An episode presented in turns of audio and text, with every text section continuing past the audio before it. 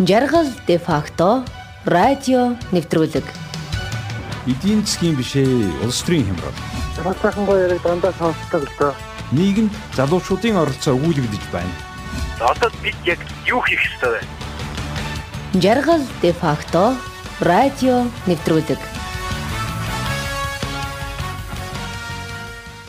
Студид нийтлэлч эдийн засагч Жаргал сайхан. Танхимын шин жарна гэдэг нийтлэл энэ нийтлэлийг 3 сарын 2-нд бичсэн хэвлсэн. А ер нь бол танхимын сүүлийн ерөнхий хуралдаанд зориулж энэ нийтлэлийг бичсэн юм аа. Одоо тэр хуралдаан дээр сүүлд нь удирдлагаа сольсон танхимын ерөнхийлөгч дараагаар амар төвшин гэж сонгогдсон. За энэ хурлын өмнө бичээд гişүүдэд нь хургуулсан. За Монголын үндэсний худалдаа аж үйлдвэрийн танхимын ээлжид 20 дугаар их хуралд зориулв. Монголын үндэсний худалдаа аж үйлдвэрийн танхим эх жил нэгэн жарныг үдэж шин жарнтай золгоно. Танхим үдэж буй энэ жарны эхний хагасыг нь зөвхөн нийтийн өмчтэй, хувийн өмчгүй нийгэмд нөгөө хагасыг нь нийтийн болон хувийн өмчийн альва хэлбэрийг хүлээн зөвшөөрч өмчлөгчийн эрхийг хуулиар хамгаалдаг нийгэмд үйлчилж Монгол улсын худалдаа үйлдвэрийг хөгжүүлэхийн төлөө хичээн зүтгэж иржээ. Зах зээлийн эдийн засагт зохицох шинээр үүсч буй олон зуун хувийн компаниудад үйлчлэхийн тулд 1995 онд танхимын тухай хууль тусгайлан батлуулав. 2009 онд өмнөд хөршийн буцалтгүй тусламжаар офисын байшинтай болов. Идүүгээ бодлогын нөлөөлөл явуулж бизнесийн үйлчлэгээ үзүүлдэг энэ танхимд 150-аад хүн ажиллаж байна. Гэвч үйл ажиллагаагаа явуулах бүх боломж эрх мэдэлтэй болсон энэ танхимд идүүгээ Монголын 180 мянган аж ахуйн нэгжээс дөнгөж 3500 л гишүүнээр илссэн бусд нь тойроод буин учир шалтгаан юу билээ? Энэ шалтгааны их сурвалж нь танхимын удирдлагын бүтэц зохион байгуулалт манлайлах чадварт буюу засаглалд нь оршиж байна. Танхимын засаглалыг юуны өмнө удирдах болон гүйцэтгэх менежментийн зааг ялгааг тодорхой болгохоос эхлэх хэрэгтэй байна. Удирдах засаглалын шин жишг. Танхим нь бусад орны сонгодог танхимууд шиг олон танхимуудын шүхэр байгууллага биш харин өөрийн салбаруудтай аймаг хотуудад хориод хэвтээ бүтцтэй ажээ. Аж ахуйн нэгжүүд орон нутгийн танхимын харьяанд давхар бүртгэлтэйч танхимтайгаа шууд харьцаж болдог ажээ. Танхим нь их хурлаа 4 жилд нэг удаа хийж байгаа нь гişүүдтэйгээ холбогдохыг нь сулруулж байна жирийн гişүүдтэй тайлагнах боломж бага. Гişүүдийн оролцоог бууруулж байгаа учраас их хурлаа 2 жил тутам хийх нь илүү өгөөжтэй. Гişүүдийн хаан тархалт орон нутгийг тооцоод тэднийг төлөөсөн 75 гишүүнтэй удирдах зөвлөл идүүгээ ажиллаж байна.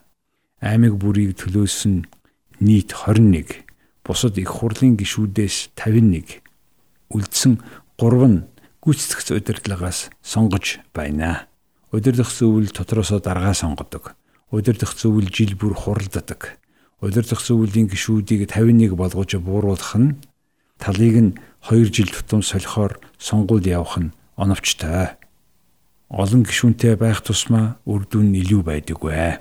Удирдах зөвлөлийн 25 тэргүүлэгчийг сонгож удирдах зөвлөлийн даргаыг ерөнхийлөгч болгодог удирдах зөвлөлийн дарга ба ерөнхийлөгч нь нэг хүн болдог. Гэхдээ тэргүүлэгчдийг 4 жилээр сонгож байгаа нь бусад улс удирдах зөвлөлийн гишүүдийн оролцоог хит бууруулж байгаа учраас 2 жил болгох нь оновчтой. Шин тэргүүлэгчид шин ирч хүч болж шин нөхцөлд илүү соргог ханддаг. Уг нь тэргүүлэгчдийн тоог цөөлж 15-аас 17 хүнтэй 2 жил тутам солигдохоор болговол шийдвэр гаргах хурд бүтээмжийг нэмэгдүүлнэ. Харин удирдах зүйлийн дарга ерөнхийлөгч, дэд ерөнхийлөгчд нь сайн дурын үндсэн дээр буюу цалингүй байх нь зүйд олон улсын жишгт нийцэх юм а.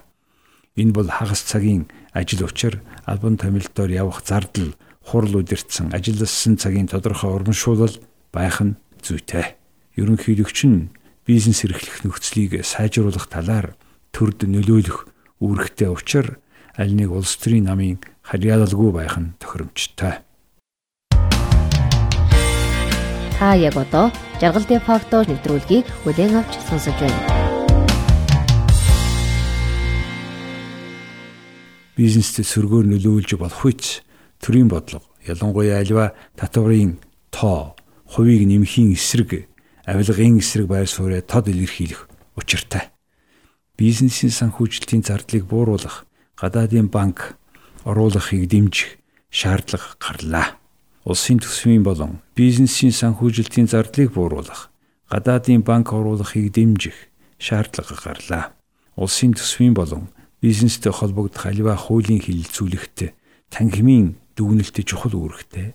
Эдгээр ажлыг зөвхөн улс төрөөс хараат бус ерөнхийлөгч л хийж чадна. Ерөнхийлөгч нь танхимыг гадаадад төлөөлдөг учраас англи хэлийг ажлын төвшөнд эзэмшсэн чөлөөтэй ярьж бичдэг олон улсын харилцааны ёс жаягийг чам цагтаг хүн байхыг цаг үе шаардаж байна. Гүйцэтгэх засаглалын шин жишг. Саяхан танхимын гишүүний жилийн татвар үйлчлэгээний үнийг ялган гишүүнчлэлээ очор цагаан алт алта болон сонгодог гэж ангилсан нь үйлчлэгээний чанартай сайн нөлөө үзүүлэх болжээ. Танхим дээр байгаа 30-аад зөвлөлийн тоог цөөлж чанар хүртээмжинд нь төвлөрсөн хороод болгон өөрчилж хороо бүрийн ажлыг орлого зарлагаар нь харьцуулж үйл ажиллагааны үр дүнг хэмждэг индекс KPI ашиглан цалин урамшуулалттай холбодог олон улсын танхимуудын туршлагыг нэвтрүүлэх нь зүйтэй. Мөн танхим гадаадын хөрөнгө оруулалт татхад төвлөрч гадаадын болон хамтарсан компаниудыг гишүүнээр илсүүлэхэд төлхөө анхаарах цаг болжээ. Танхим бас мэрэгжлийн боловсролын хосолсон хөтөлбөр боловсруулж сургалт ба дадлагыг нэгтгэх компаниуд хэрэглэсэн сабагла бодлоо хянах хог хаягдлыг дахин боловсруулах нийгмийн болон экологийн хариуцлага хүлээхэд чиглүүлэх хэрэгтэй байна. Салбарын холбоодуудтай хамтран ажиллаж бодлогын нөлөө болон бүтээмжийн зөвлөгөө өгч чаддаг. Ялангуяа бизнесийн цахим платформыг оновчтой ашиглах шинэ програм application яванда хиймэл оюун ухаан роботыг яаж ашиглах тухай сургалт явуулах шаардлага гарч байна. Гадаадын ямар зах зээлд Монголын компани гарч болох мэдээ, мэдлэг, сургалтын хэрэгцээ бий болж байна. Энэ бүхнийг удирдах, зохион байгуулж чадах мэдлэг чадвартай, гүйцэтгэх захиралтай байх ёстой. Гүйцэтгэх захирал түүний орлогчийг одоогийн шиг удирдах зөвлөлөө сонгодог биш.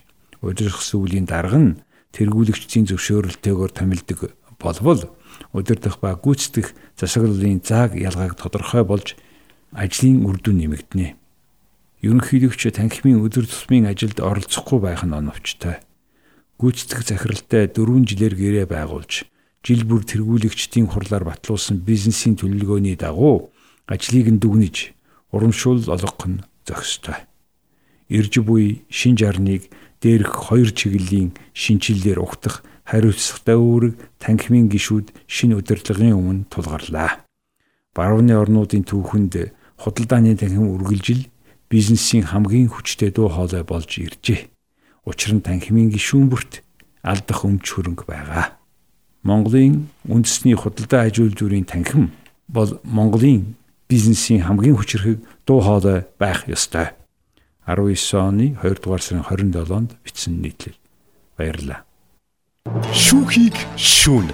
Жолооч та болон танай байгууллага автомашин техник хэрэгслийн хаврын засвар хүчлэгийг хийлгэсэн үү? Бүх төрлийн шүүлтүүрийг хямдун өргөн сонголтоогоор үндэсний үйлдвэрлэгч Alpha Filter компаниас удас 73.11 тэг долоо. Жаргал де факто радио нэвтрүүлэг. Эдийн засгийн бишээ улс төрийн хямрал Бас сайхан гоё яриг дандаа сонсдог л доо. нийгэмд залуучуудын оролцоо өгүүлэгдэж байна. Одоо бид яг юу хийх ёстой вэ? Жаргал де факто радио нэвтрүүлэг